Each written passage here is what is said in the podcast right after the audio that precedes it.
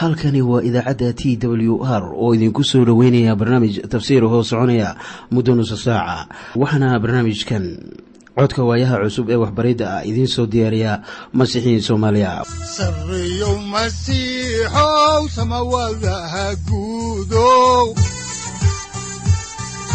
Siraadkii adduunkow subanaha eebow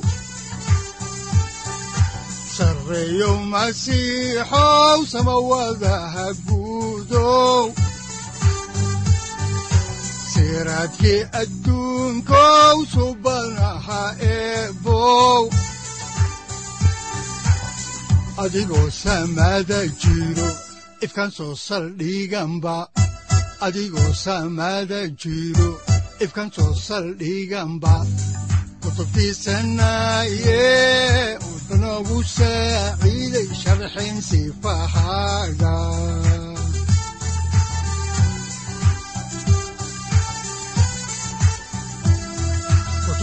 kutubtiisinayo ebanagu saaciid sharxin sifahaaga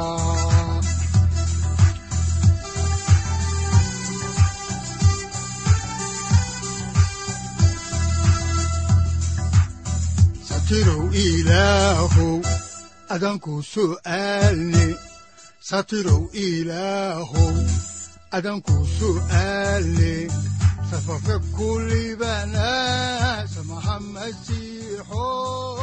mar kale ayaannu dhegaystayaal idinku soo dhoweynaynaa barnaamijka. Waxaannu dhexda uga jirnaa waxbariddeenii dhexmarka kitaabka quduuska waxaanan baranaynay kitaabka afraad ee muuse oo loo yaqaano talintii waxa ay inoo joogtay maadada ah in reer laawi loo soocay howlaha ilaah. Balse intaynan idin bilaabin aynu wada dhegaysanno qhasiidadan soo socota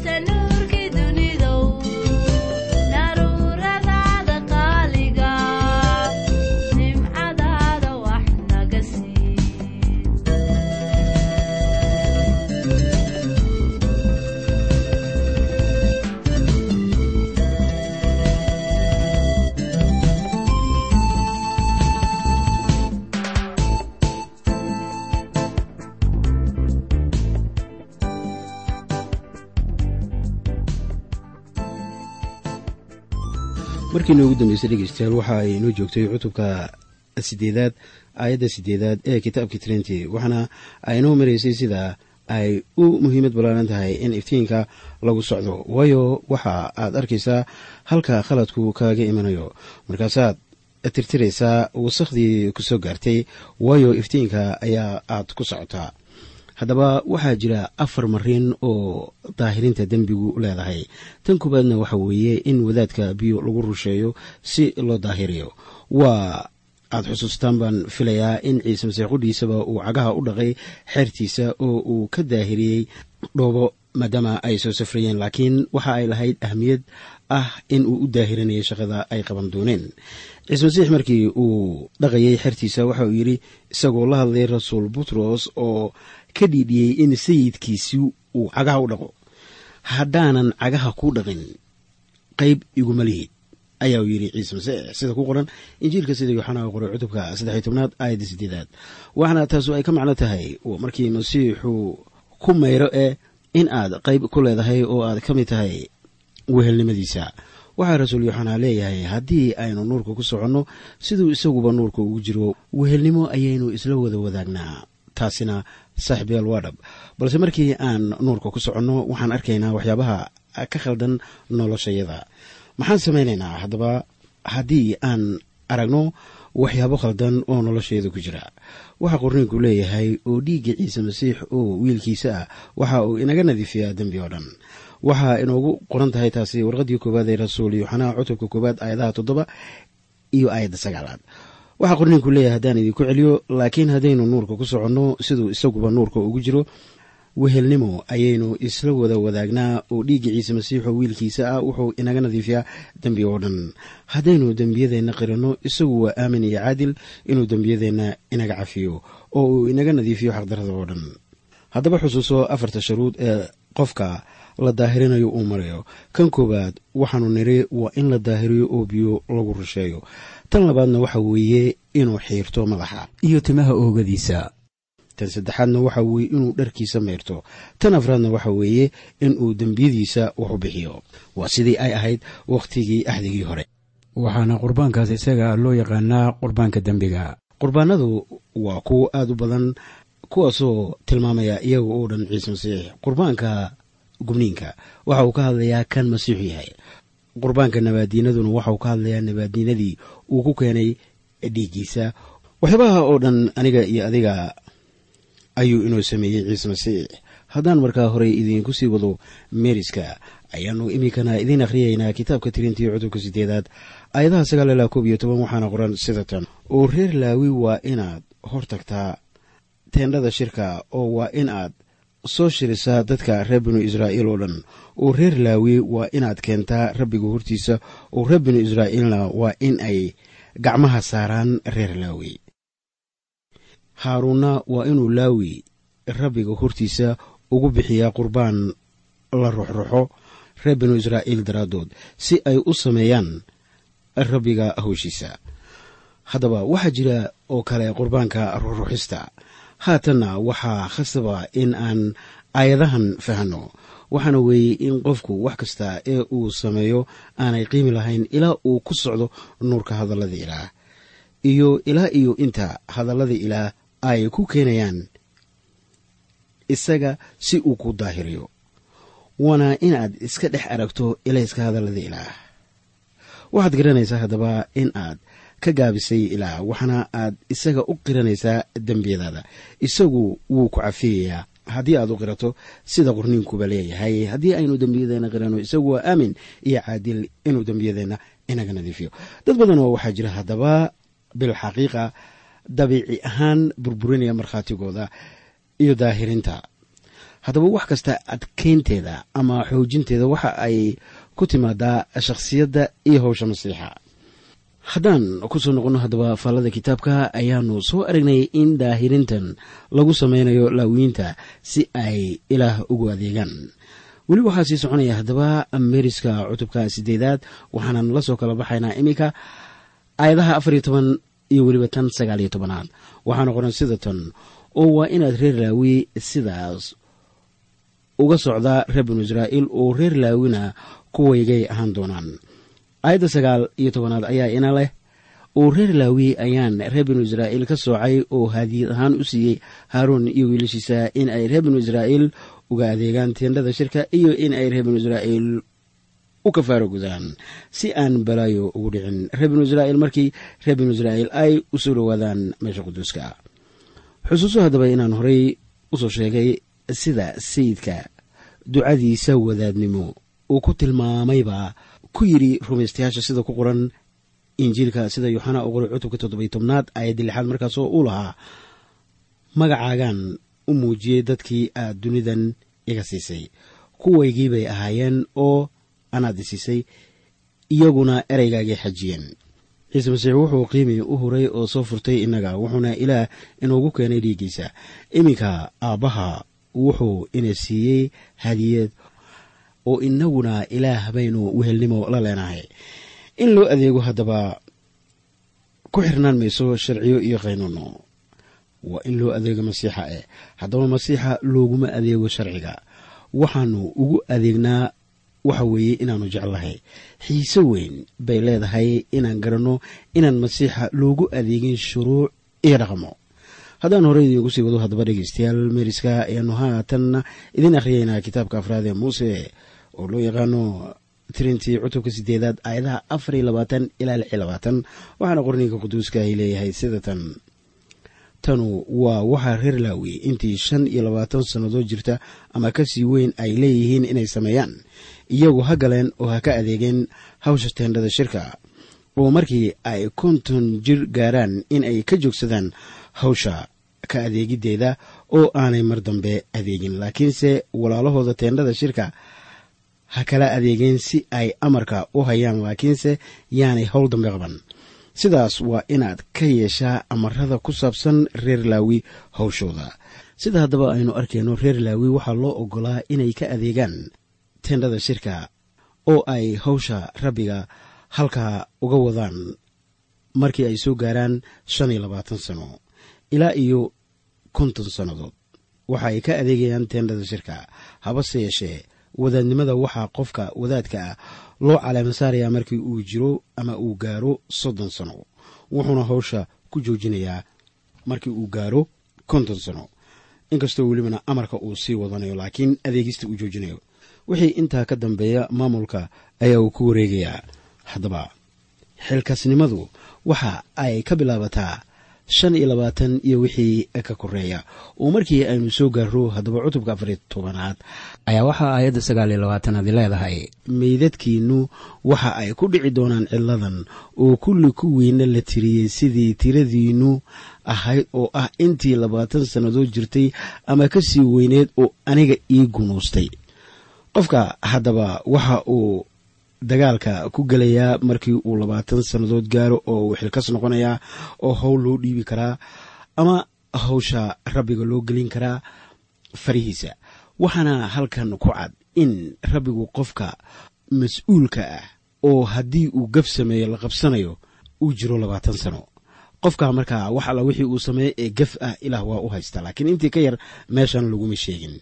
Miyaanay markaa idiin muuqan dadka baaluqnimada in ay ka galaan labaatan sannadood. Laakiin xil sare looma dhiibi karo ilaa ay ka gaaraan shan iyo labaatan sannadood. Ha yeeshee maahan qofka dhallinyarada ah. Ha yeeshee maalmaheenna qofka dhallinyarada ah. Waxa noqonayaa askari markii uu jiro labaatan. Laakiin reer laawi waxaa loo ogol yahay in uu shaqo ka bilaabo teendhada markii uu jirsado shan iyo labaatan sano laakiin waxa uu mas'uul qaadi karaa marka uu labaatan sano soo gaaro oo wax alla wixii uu sameeyo rabbigu wuu u qabsanayaa. Sida ku qoran cutubkan afar iyo tobanaad. Aayadda sagaal iyo labaatanaad waxaana u yidhi meydadkiinnu waxay ku dhici doonaan cidlada oo kulli kuwiina la tiriyey sidii tiradiinnu ahayd oo ah intii labaatan sannadoo jirtay. Taasoo macnaheedu yahay mar haddaa labaatan jir tahay ee way ku saaran tahay gaf alla gafkii aad ilaah hortii ku samaysay wixii ka horreeya meeshan kuma qornaa markii haddaba wadaadnimo loo subkayana waa in wadaadadu ay jiraan wadaadada la subkaya ee soddon sannadood. Laakiin wadaad walba lama subki jirin reer binu israa'iil hal wadaad bay lahaayeen. Wadaadkaasna waxa uu ka imanayay faraca reer haaruun oo ahaa muuse walaalkiis. Ahmiyaddu waxay noqonaysaa markaa in dhalintu ay wax badan ka ogaadaan ilaah si ay ku gartaan wakhtiga munaasabka ah ee ay xilqaadi karaan ama ay xilqaad noqon karaan. Haddaan intaa ku ekayno haddaba cutubkii sideedaad ayaannu iminka idin bilaabaynaa cutubka sagaalaad ee kitaabkii afraad ee muuse oo loo yaqaano trinity. Haddaba waxa aan ku bilaabayaa sida caadadeennu ay tahay cutub waliba mawduuca uu ka hadlayo ama mawduucyada uu cutubkaasi ka kooban yahay. Kan sagaaladna waxa uu ka hadlayaa maalinta kormaridda iyo daruurta iyaga harayn jirtay oo loo yaqaano ammaantii shakina. Waxaanse ku bilaabaynaa maadada ugu horreysa ee ah ciidda kormaridda oo ay tahay inay dhowraan dadkii cidlada ku safrayey iyaga oo ku sii jeeda israa'iil. Haddaan markaas idinka akhriyo arrinka ciidda kormaridda kitaabka afraad ee tirinta iyo cutubka sagaalaad aayadaha hal ilaa laba waxaa qorniga quduuska ay leeyahay sida tan. Markaasaa rabbigu muuse kula hadlay cidladii sinai bishii koowaad ee sannaddii labaad ee ka dambeysay wakhtigii ay dalka masar ka soo baxeen oo waxa uu ku yidhi weliba reer binu israa'iil ha dhowreen ciidda kormaridda xilligeeda la amray.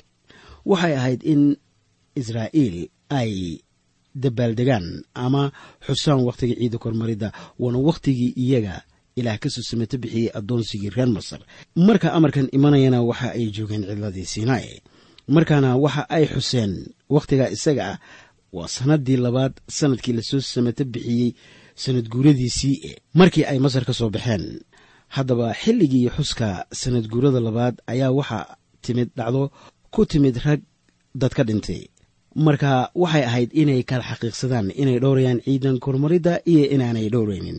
Waxaana ay u yimaadeen muuse iyo haruuna waxa ay u sheegeen wixii ku dhacay iyaga iyo waxa ay yeelayaan waxaana muuse oo ahaa addoonkii rabbiga uu ku yidhi sida ku qoran kitaabka tirintii cutubka sagaalaad aayadda sideedaad sida tan.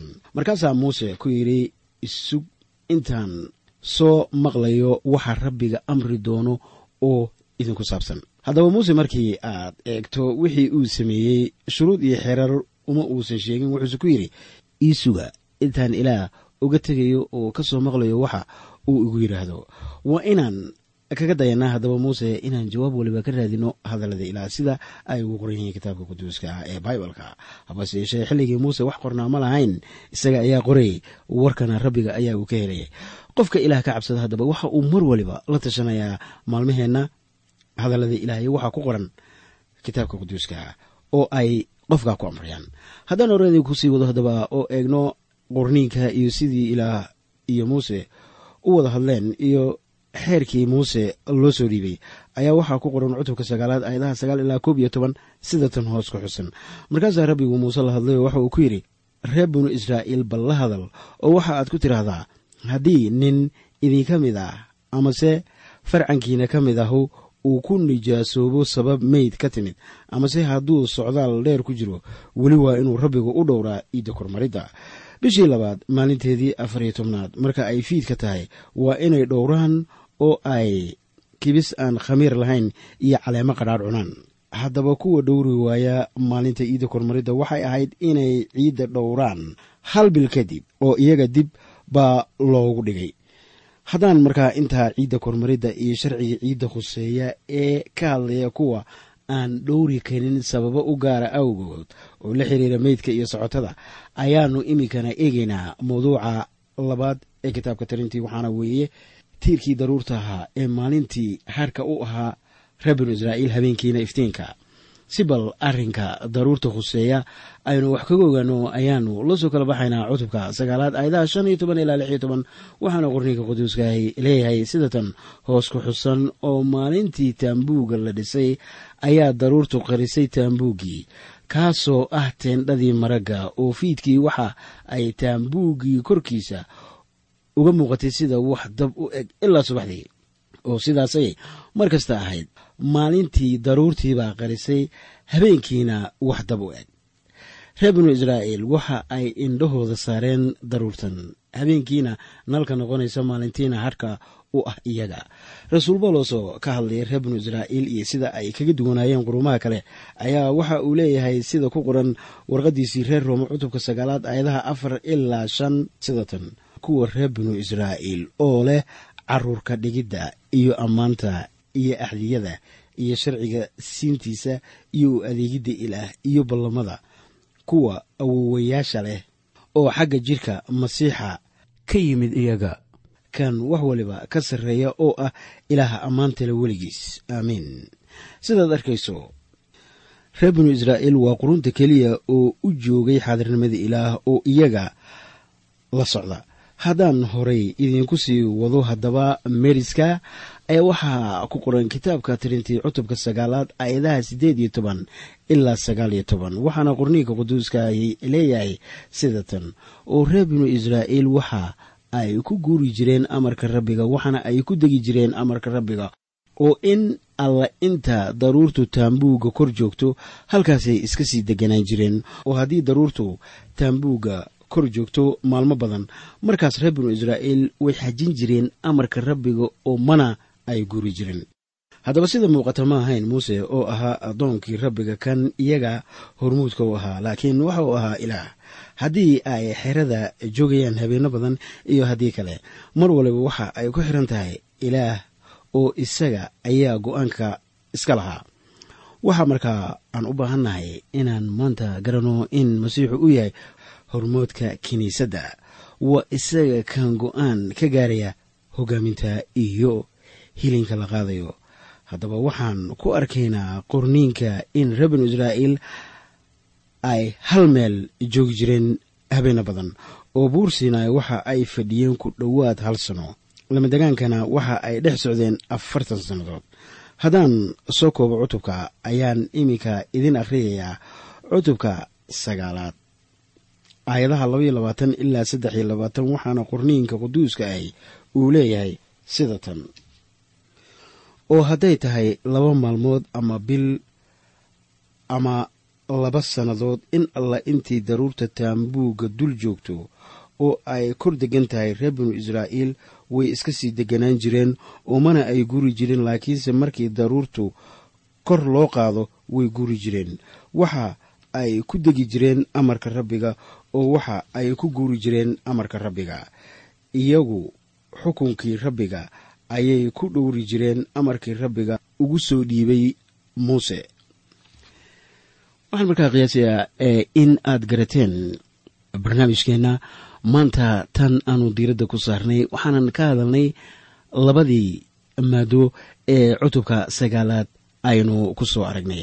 Waxaana ay kala ahaayeen ciidda kormaridda oo reer binu israa'iil ay u dabaaldegi jireen bisha koowaad ee la yidhaahdo abib maalinteeda afar iyo tobanaad. Waxaana ay dabaaldegga qaban jireen maalinta afar iyo tobnaad.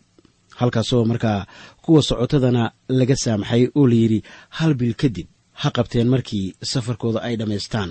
Ama haddii dad intuu dhinto ilaan waa dadkaagiiya markaa qofka markuu meydka dhaqayo waxa uu noqon jiray sida sharciga rabbiga ku cad. Qofkaasi najaas ayuu noqon jiray waana inuu isdaahiriyo. Wax waliba oo amarada rabbiga ay ku waajibinayaan qofkaasna looma qaban jirin. Waxay ahayd markaa xitaa ciidda kormaridda. Haddii qof uu qof ku dhinto oo markaa uu dhaqo maalinta ciidda kormaridda waxyaabaha la rabo oo dastuuriga ah ma aanay samayn jirin laakiin hal bil ka bacdi.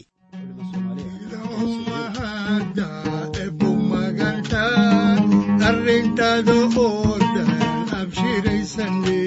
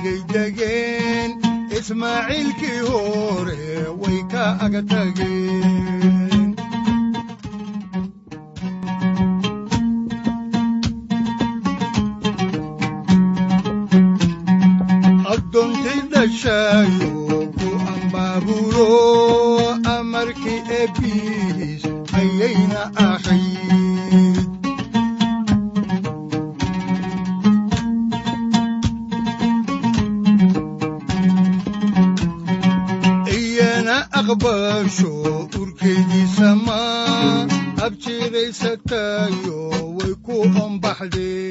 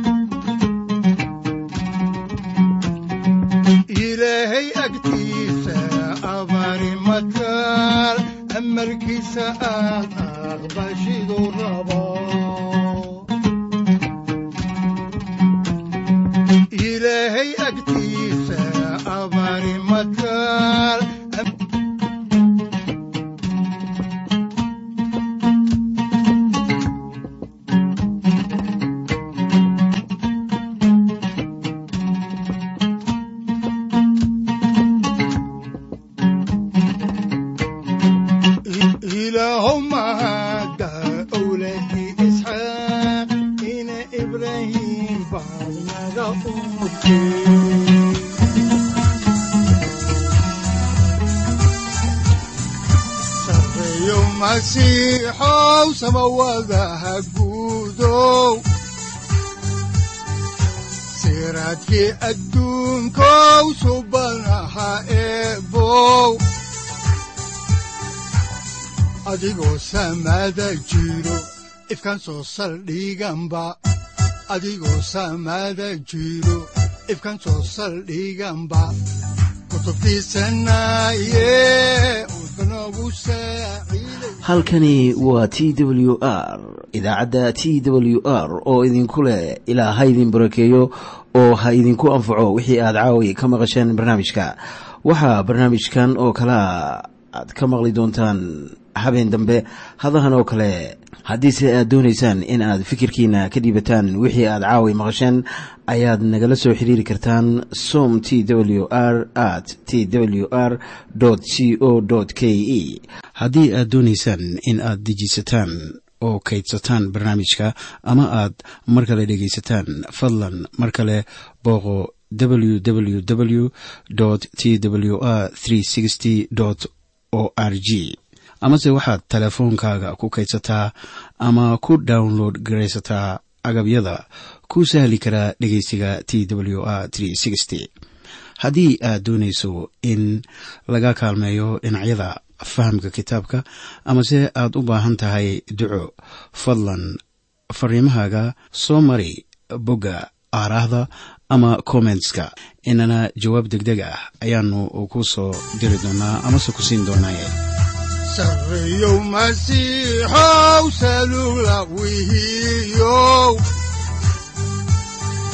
Saacadda timid dhulka sabada ku dhalatiyo